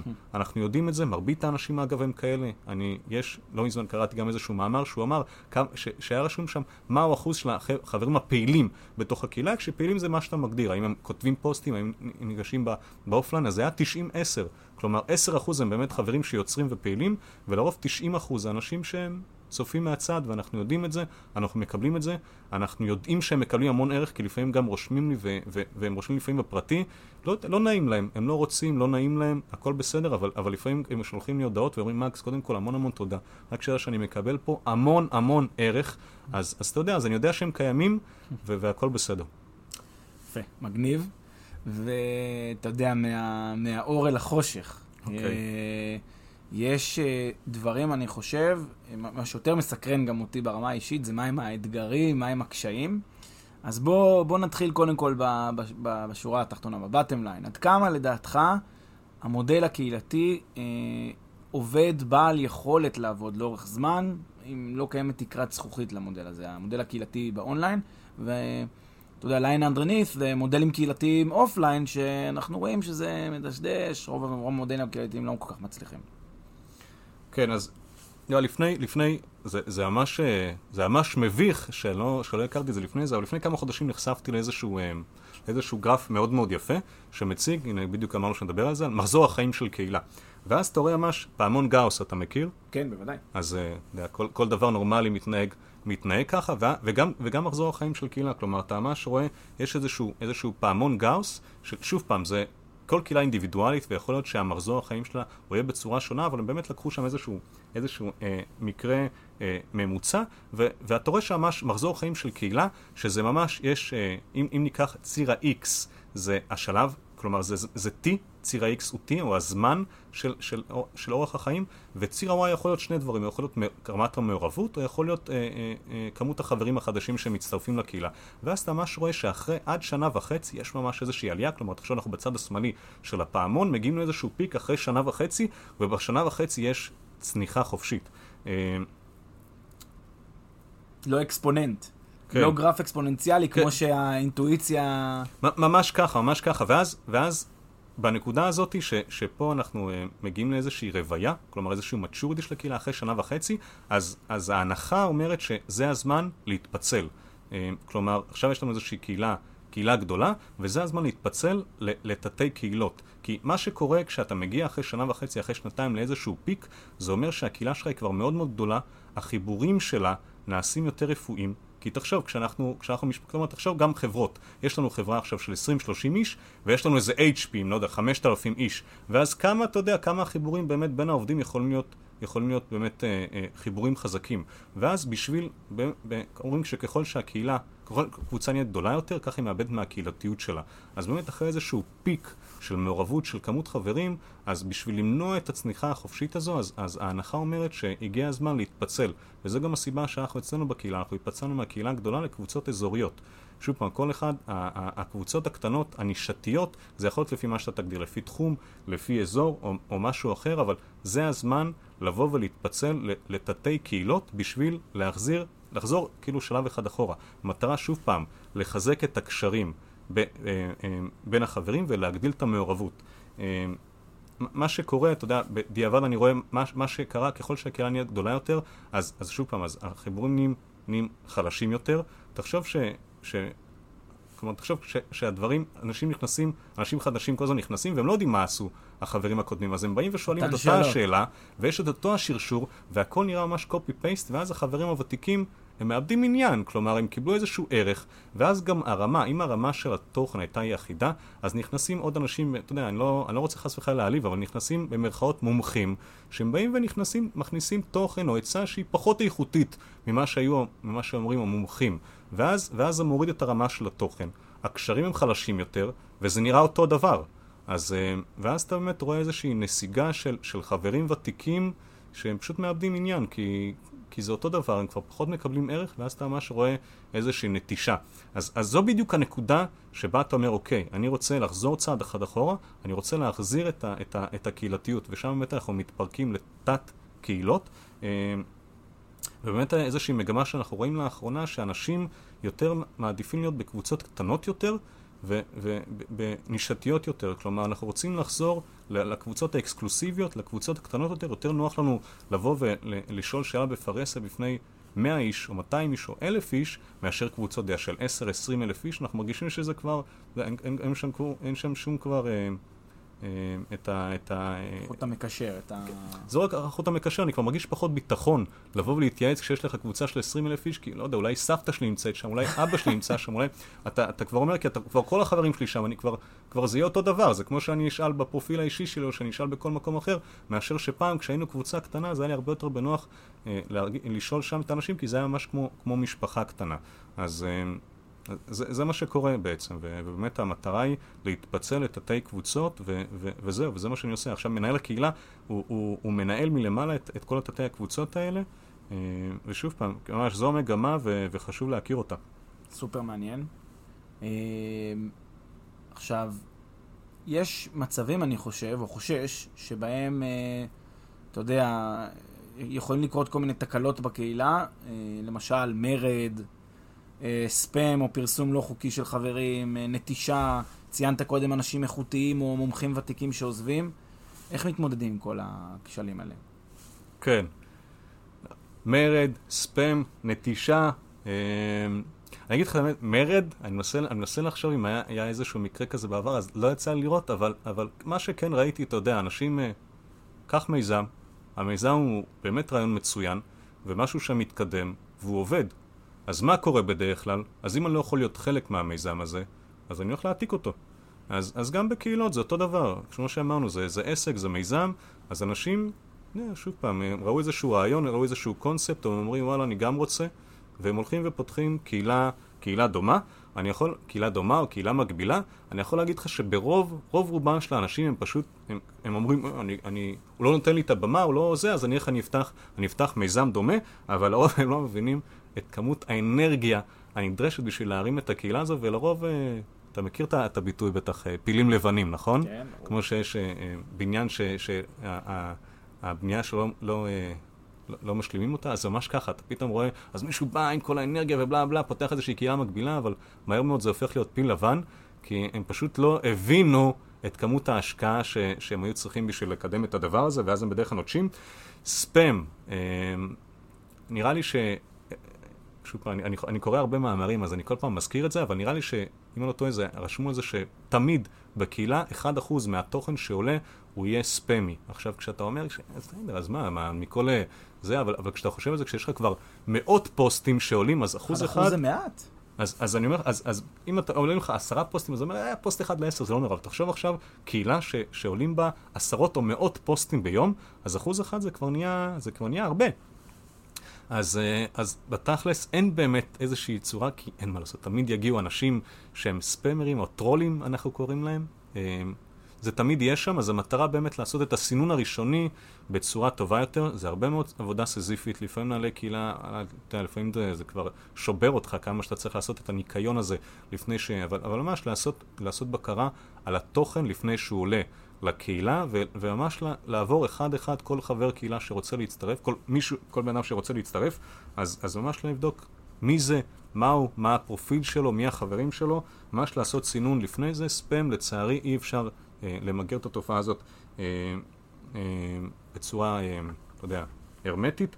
נטישה של אנשים איכותיים, אה, אז שוב פעם, אני, אני גם, לצערי זה גם משהו ש, שקורה ככל שהקהילה גדולה, ו, ובאמת מה שאני, מה שאני עושה היום יותר מפעם, האמת שפעם הייתי לוקח את זה, יודע, הייתי לוקח את האנשים הפעילים אולי יותר כמובן מאליו. כלומר, הייתי אומר, אה, בסדר, יש לה, יש את הקהילה, מקבלים במה, בלה בלה בלה, אבל, אבל בתכלס אני, אני ממש לקחתי את זה כמובן מאליו, והיום אני רואה את זה בצורה קצת אחרת, אז, אז היום מה שאני עושה אם אני רואה דבר כזה, זה אני, אני פונה אליהם ומנסה להבין את השורש של הבעיה, כלומר, אה, מנסה לחשוב יחד איתם מה אפשר לעשות כדי להחזיר אותם חזרה. אה, זהו, אבל אין, אין, אי אפשר להימנע מזה, זה משהו שקורה כשהקהילה גדולה, אני יכול להגיד לך איזשהו סיפור קטן, איזשהו, יש איזשהו בחור בשם שלום, אה, ו, וכשהיינו בערך איפשהו בין ה-500 עד 1,000 חברי קהילה, שלום נתן שם, הוא, הוא, איש, הוא איש מקצוע, כלומר הוא מומחה בתחום של הקהילה, הוא נתן שם תוכן מדהים, הוא היה מעורב, הוא היה עוזר, ופתאום בשלב אחד שלום נעלם. ואז אתה יודע, אתה, אתה ישר קולט את זה, אתה יודע, היה שלום והוא כל הזמן טה טה טה טה טה, ופתאום נעלם. ואז פניתי אליו, ואני אומר, שלום, איפה אתה אחי? איפה, איפה נעלמת? כאילו, אתמול אתה באת, נתת שם, הפצצת שם, עזרת, באמת, אתה ממש מעריך את זה, איפה נעלמת? ואז הוא אומר, מקס, תקשיב, זה פשוט נהיה too much. זה אותן השאלות, זה אותם השרשורים. אנשים כאילו מרגיש לפעמים שהם שואלים שאלות מטומטמות, ומבחינת הערך שאני מקבל, הוא הרבה פחות ממה שהיה אז. הרמה של התוכן ירדה, היא נהייתה מאוד uh, שטחית. Uh, האמת שהוא הראשון שממש הרגשתי בדבר הזה, ואז פתאום ויש לך כזה הערה, יש לך איזשהו, נפל לך אסימון, ואז אתה אומר, אוקיי, מה אני עושה לא נכון? ואז, ואז לקחתי את שלום, ויש לנו איזושהי קבוצה שאני מאוד ממליץ גם לכל מי שרוצה לבנות קהילה, לקחת קבוצה של הגרעין הראשוני של אותם המומחים ולבנות קבוצת מיקוד, אפילו להתנהל בוואטסאפ, בטלגרם, איפה שנוח לכם, וכל הזמן לשאול, חברים, מה קורה איתכם, מה אתם עוד צריכים, מה, איפה, איפה הנקודות התורפה, כלומר שהמטרה באמת שהחברים הפעילים, לא, אתה יודע, אם אחד, אתה יודע, אם מישהו נוטה שאפילו לא שמתי לב אליו שבא רק בשביל להעלות איזשהו פוסט כדי לקדם ברמה האישית, אני אגיד לך את האמת, מבחינתי גם, אה, אתה יודע, אני לא... אני לא אלחם עליו. שיצא באותה מהירות שהגיע. כן, אתה יודע, אם הם לאורך זמן הם רואים שהם לא מקבלים את הערך על ה, לה, בשביל לחשוף את ה... לקבל חשיפה ל, לעסק שלהם, אז הם, הם, הם נוטשים לבד ואין לי שום בעיה עם זה. אבל חברים שפעילים, שמעניקים המון המון ערך, שהם באמת חבר, החברים המייסדים של הקהילה, שם אני ממש נלחם עליהם, ובאמת המטרה זה ליצור איתם איזושהי קבוצת מיקוד, להבין מה עוד אפשר לתת להם, ובאמת לאורך, לחשוב מה יעזור לאורך זמן אה, להעניק להם ערך, ולא רק באותם החודשים הראשונים עד שהם מאבדים עניין והם, והם נוטשים, אז מאוד מאוד חשוב. כן, אני לחלוטין מזדהה. אגב, אחד ה... אה, אחת הסיבות המרכזיות שאני חושב שאתה כל כך שונה בנוף, אה, ברמה האישית, ואני גם אמרתי לך את זה כמה פעמים, ש... לדעתי ההבדל הניכר הוא, ואנחנו גם תכף נדבר על הערך שמפיק מנהל קהילה, אתה קצת כן. ציינת את זה בהתחלה, אני חושב שההבדל הניכר הוא שבאמת אצלך הדגש מושם על הקהילה ולא על עצמך. אני חושב שיש איזשהו מימד מסוים ש... זה די, זה די טבעי, כי זה די דומה, ל, ל, אתה יודע, לכל רגולטור במובן מסוים, שנהיה שיכרון כוח, אה, ונהיה כזה, במקום שזה יהיה אה, סוציאליזם, זה נהיה קומוניזם, אה, קומוניזם טוטליטרי. שבעצם כן. המנהל הקהילה בעצם ממש כבר מתחיל להנדס את הקהילה לפי, לפי הבנתו, ובעצם מקדם, אתה יודע, יש כזה נפוטיזם כזה, מקדם את האנשים שלו, וככה בעצם הקהילה, והקהילה לא כך מבינה, לא כך, לא אכפת לה. ואז בסוף, אה, אה, אני חושב שאורח החיים של קהילות כאלה הם באמת מאוד נמוך, וזה מאוד מאוד שונה אצלך, אני ממש הרגשתי את זה בצורה די מובהקת. כמו שאמרת קודם, עם הגבול האפור, שאין את הגבול, לא, לא מותחים את הגבול האפור, זאת אומרת, תמיד יהיה את הכללים, אתה מחויב לכללים, נאה דורש, נאה מקיים, כמו שחברי הקהילה מחויבים לכללים. אני חושב שזה יתרון אה, מאוד יפה אצלך, שגם... אה... כן, תודה, זה חשוב, זה... באמת, זה היה, אני חושב שבדיעבד זה היה א', ב', באמת ליצור איזושהי קהילה. הגבול האפור הזה, שוב פעם, כל הזמן אנשים יבחנו, אבל אתה, אתה הכי חייב להיות אה, אה, הכי לויאלי לכללים של עצמך, כי אם אתה, ברגע שאתה, אתה יודע, אתה מפר את הכלל של עצמך, אז, אז, אז אתה יודע, כאילו אם אתה לא משמש דוגמה לחברי הקהילה, אז, אז מה אתה יכול לבוא בטענות? ו, ואני יכול להגיד לך שיש יש איזשהו, איזשהו קו מנחה שאני מאוד מאוד דוגל בו, ו, והרבה מאוד אנשים כאילו פונים למקס, אולי אני אעשה קו מנחה, ואז אני אומר, שמע, אני, אני לא יכול, אני לא יכול לתת לך את האופציה לעשות את הדבר הזה, כי אמרתי לחבר'ה האחרים ששאלו אותי שאני לא יכול. אז אם אני אתן לך, אז זה יהיה הכי לא, לא פייר כלפי האנשים האחרים, ומבינים את זה. כן, אז בוא אולי ת, תיתן ככה את השני סנט שלך על בעצם איזה ערך מקבל מנהל קהילה ברמה אה, הכלכלית, אה, אמרת קודם שזה שם אותו מאוד במוקד, אבל במודל העסקי, במודל הרווח, איזה benefits מקבל מנהל קהילה? כן, אנחנו מדברים על מודלים, מודלים כלכל, כלכליים לצורך העניין? כן. כלומר איזה...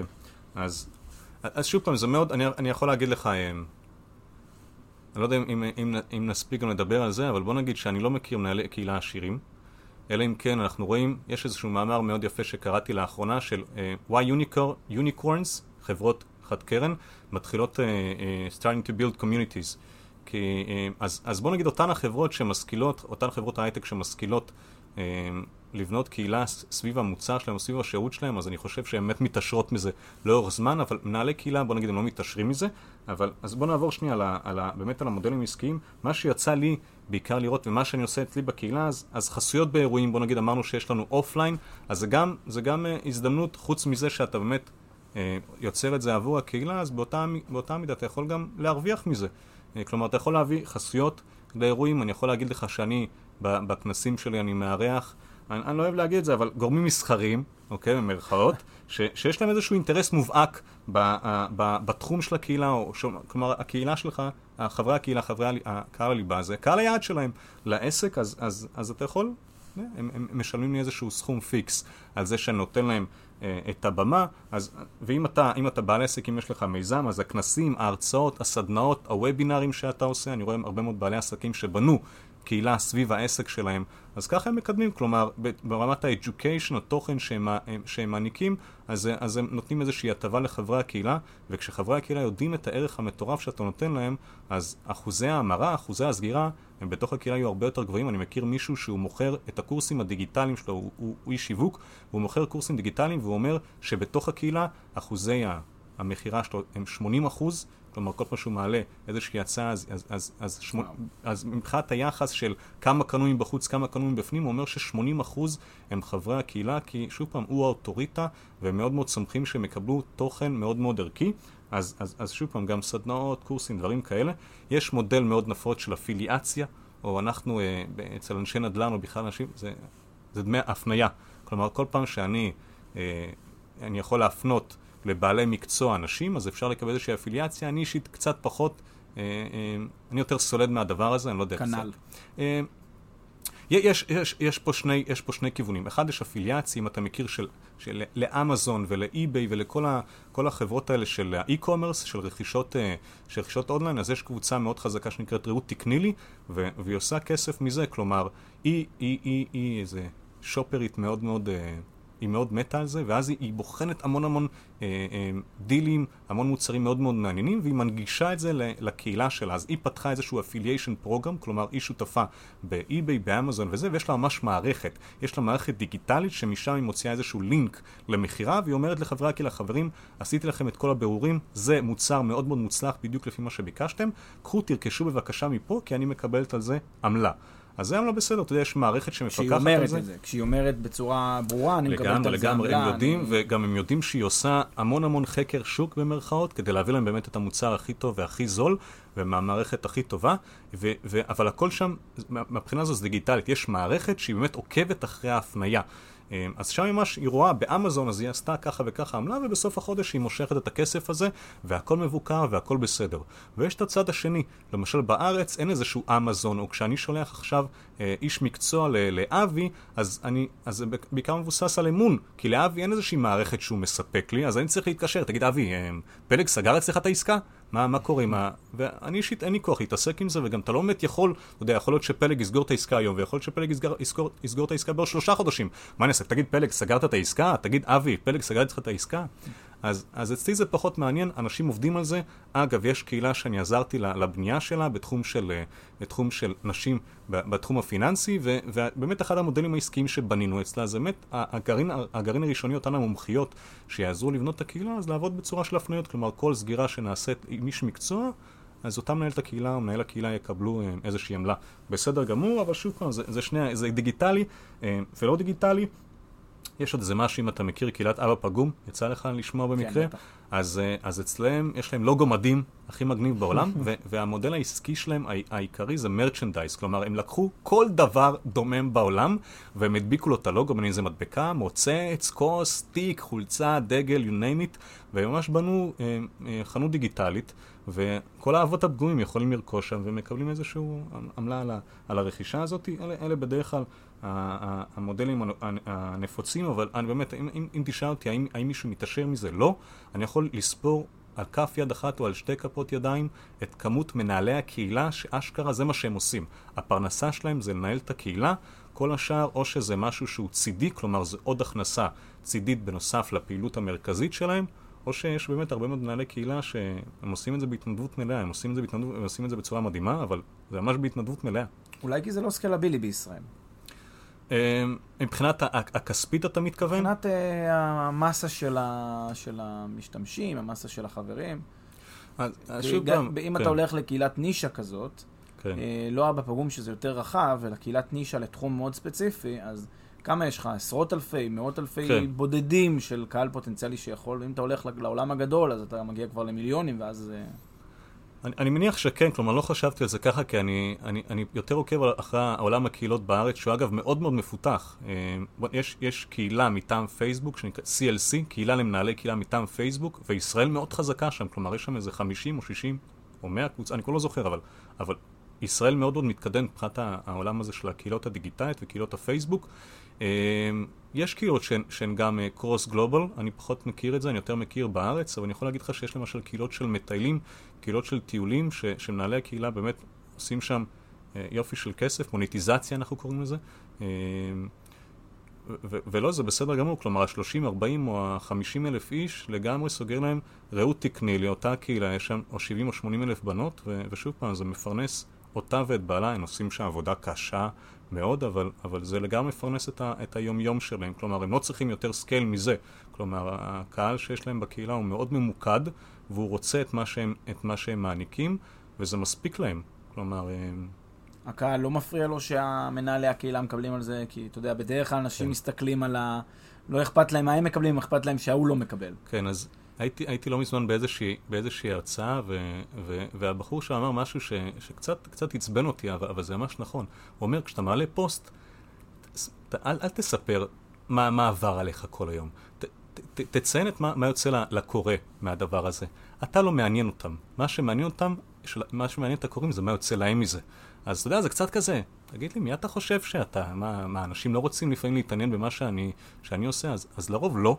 ואז אז גם בעניין של הקהילה, הם, הם גם, שוב פעם, אני מוריד את זה לזה, זה, זה לפעמים קצת מרגיש לא נעים, אבל בגדול הם חושבים מה יוצא לי מזה.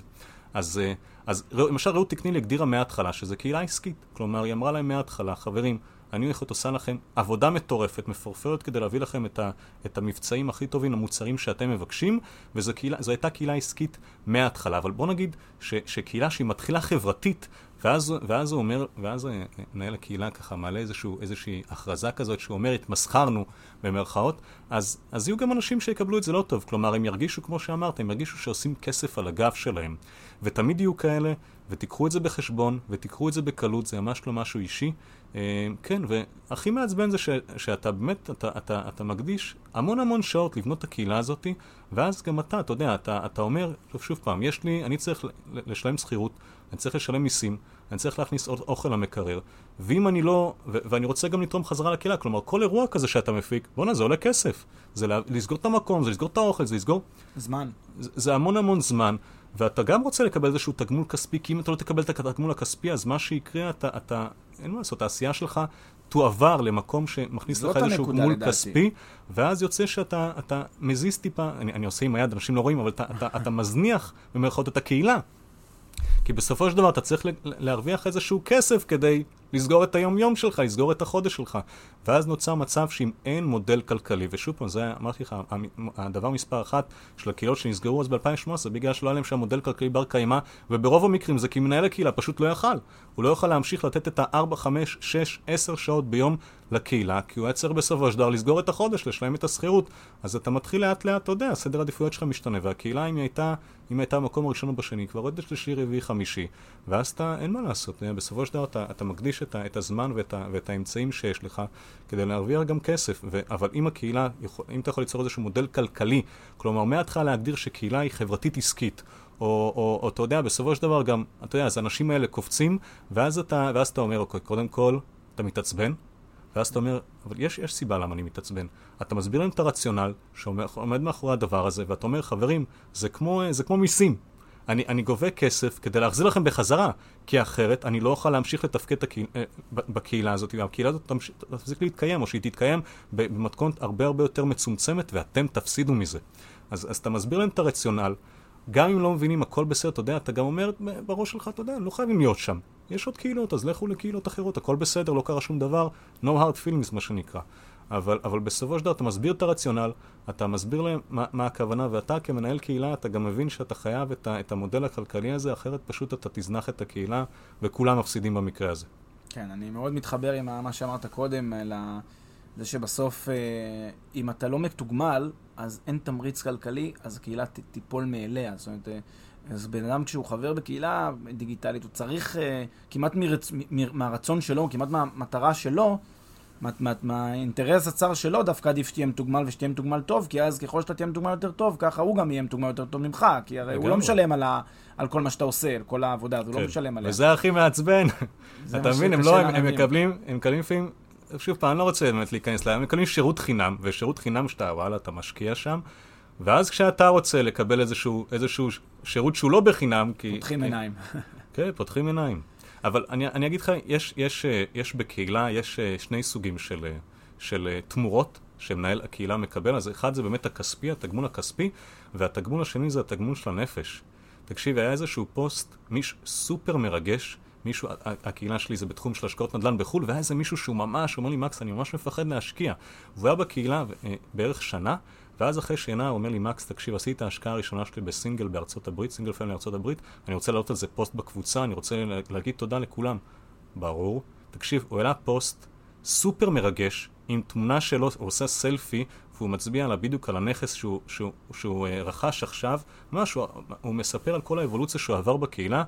שמע, שמע, זה ממש חימם את הלב, ובכלל, שאנשים כל הזמן פונים אליך, ומקס, זה ממש עוזר לי, ואתה יודע, כל, כל מיני דברים כאלה.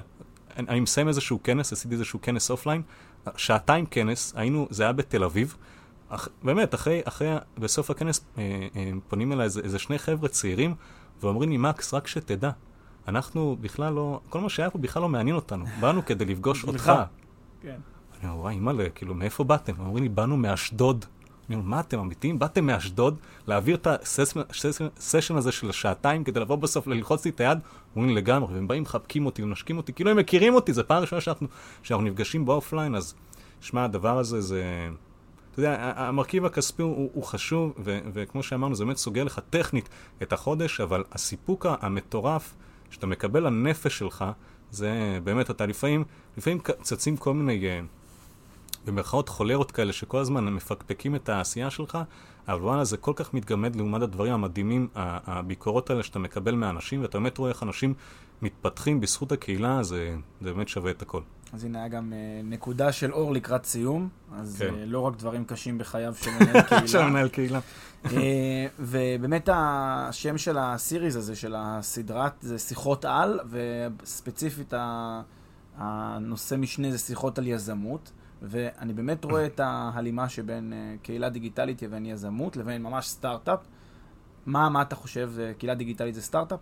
כן, אז אתה, אז, אז בוא נחבר, נפרק שנייה את הסטארט-אפ, אתה באמת הגדרת את זה בצורה מאוד מאוד יפה, שאמרת שבכלל סטארט-אפ הוא מאופיין בסיכון גבוה, גבוה ותמורה שהיא, שהיא לא ודאית, כלומר אתה סוג של בלון הודעה, אתה, יש לך תוכנית עסקית והכל יפה ובנית, אפילו ו, אין תוכנית עסקית, אפילו אין תוכנית עסקית, או אתה יודע, גם התוכנית העסקית שלך היא כזאת, היא, היא, היא, אתה עושה אותה ורודה אפורה, כי אתה רוצה משהו שיניע אותך, אבל... אבל אז, אז, אז אם ניקח את האלמנטים האלה? זה ממש ככה, כמו שאמרתי באמת במשפט הראשון בערך שהוצאתי, אמרתי נעילה, אה, נעילה. קהילה זה עסק, וניהול קהילה זה ניהול עסק. אז אם אתה יכול איכשהו לעשות את האנלוגיה לסטארט-אפ, זה ממש ככה. אה, קהילה זה, זה סטארט-אפ, גם קהילה עושים איזשהו, לא יודע, אקזיט, אם אתה באמת יוצר בה איזשהם אה, אה, אה, מודלים אה, אה, של מוניטיזציה, ממש על כל מאפייניו. ובטוח שהתמורה שלה היא מאופיינת כמו פה, אני לא הייתי אומר שהיא לא ודאית, אבל, אבל בוא נגיד שהתמורה תהיה בטווח, בטווח הארוך, כלומר, אה, את הקהילה אתה בונה, כמו שאמרנו בהתחלה, זה המון המון מיקרו, המון, אתה לא רואה איזושהי תמורה כלכלית מהדבר הזה, אולי באמת, בעיקר, בעיקר לנפש, אבל התמורה לעולם לא תהיה מיידית. כמו שאמרנו, החצי שנה הראשונה בכלל אין מה לדבר, אפילו אין לנו עדיין קהילה, יש לנו אולי איזשהו ניצוץ של איזשהו רעיון, אבל, אבל לגמרי, כלומר, התמורה פה היא תהיה בטווח הרחוק, אה, ממש כמו, כמו, ממש כמו סטארט-אפ לכל דבר. מקס פרידמן היקר, תודה רבה על שיחה מאוד אינטליגנטית, וחכמה ומחכימה. כן. מאוד נהניתי. בשמחה, בשמחה רבה, ממש, אה, היה ממש כיף, אתה יודע. תודה רבה. ממש אה, בפודקאסט אתה כזה מוציא את ה... באמת, אתה רוצה לשתף, אתה רוצה, תקשיבו קצת על לעולם שלי, אז... אז לא רואים, יש פה ממחטות בצד שמאל, והכנתי למקרה שזה כן, נגיע לשיחה כן. משתפכת. אתה ממש כן, כיף לך לשתף קצת, כי אתה כל הזמן, אתה, זה כל הזמן, אתה יודע, יש כזה את החוצץ הזה בין, בין אתה מנהל הקהילה וחברי הקהילה, ואתה רוצה, אתה יודע, אתה בסופו של דבר רוצה לשמור על איזשהו, איזשהו, איזשהו... פאסון. איזשהו פאסון, בדיוק, ואז כשאתה בא, אתה יודע, אתה בא, בא לך, בא לך לפעמים לפרוק את הדבר הזה, אז, אז המון תודה על ההזדמנות הזאת. תודה לך. ונתראה בפרק הבא שלנו, של האינבסטקאסט. ביי בינתיים.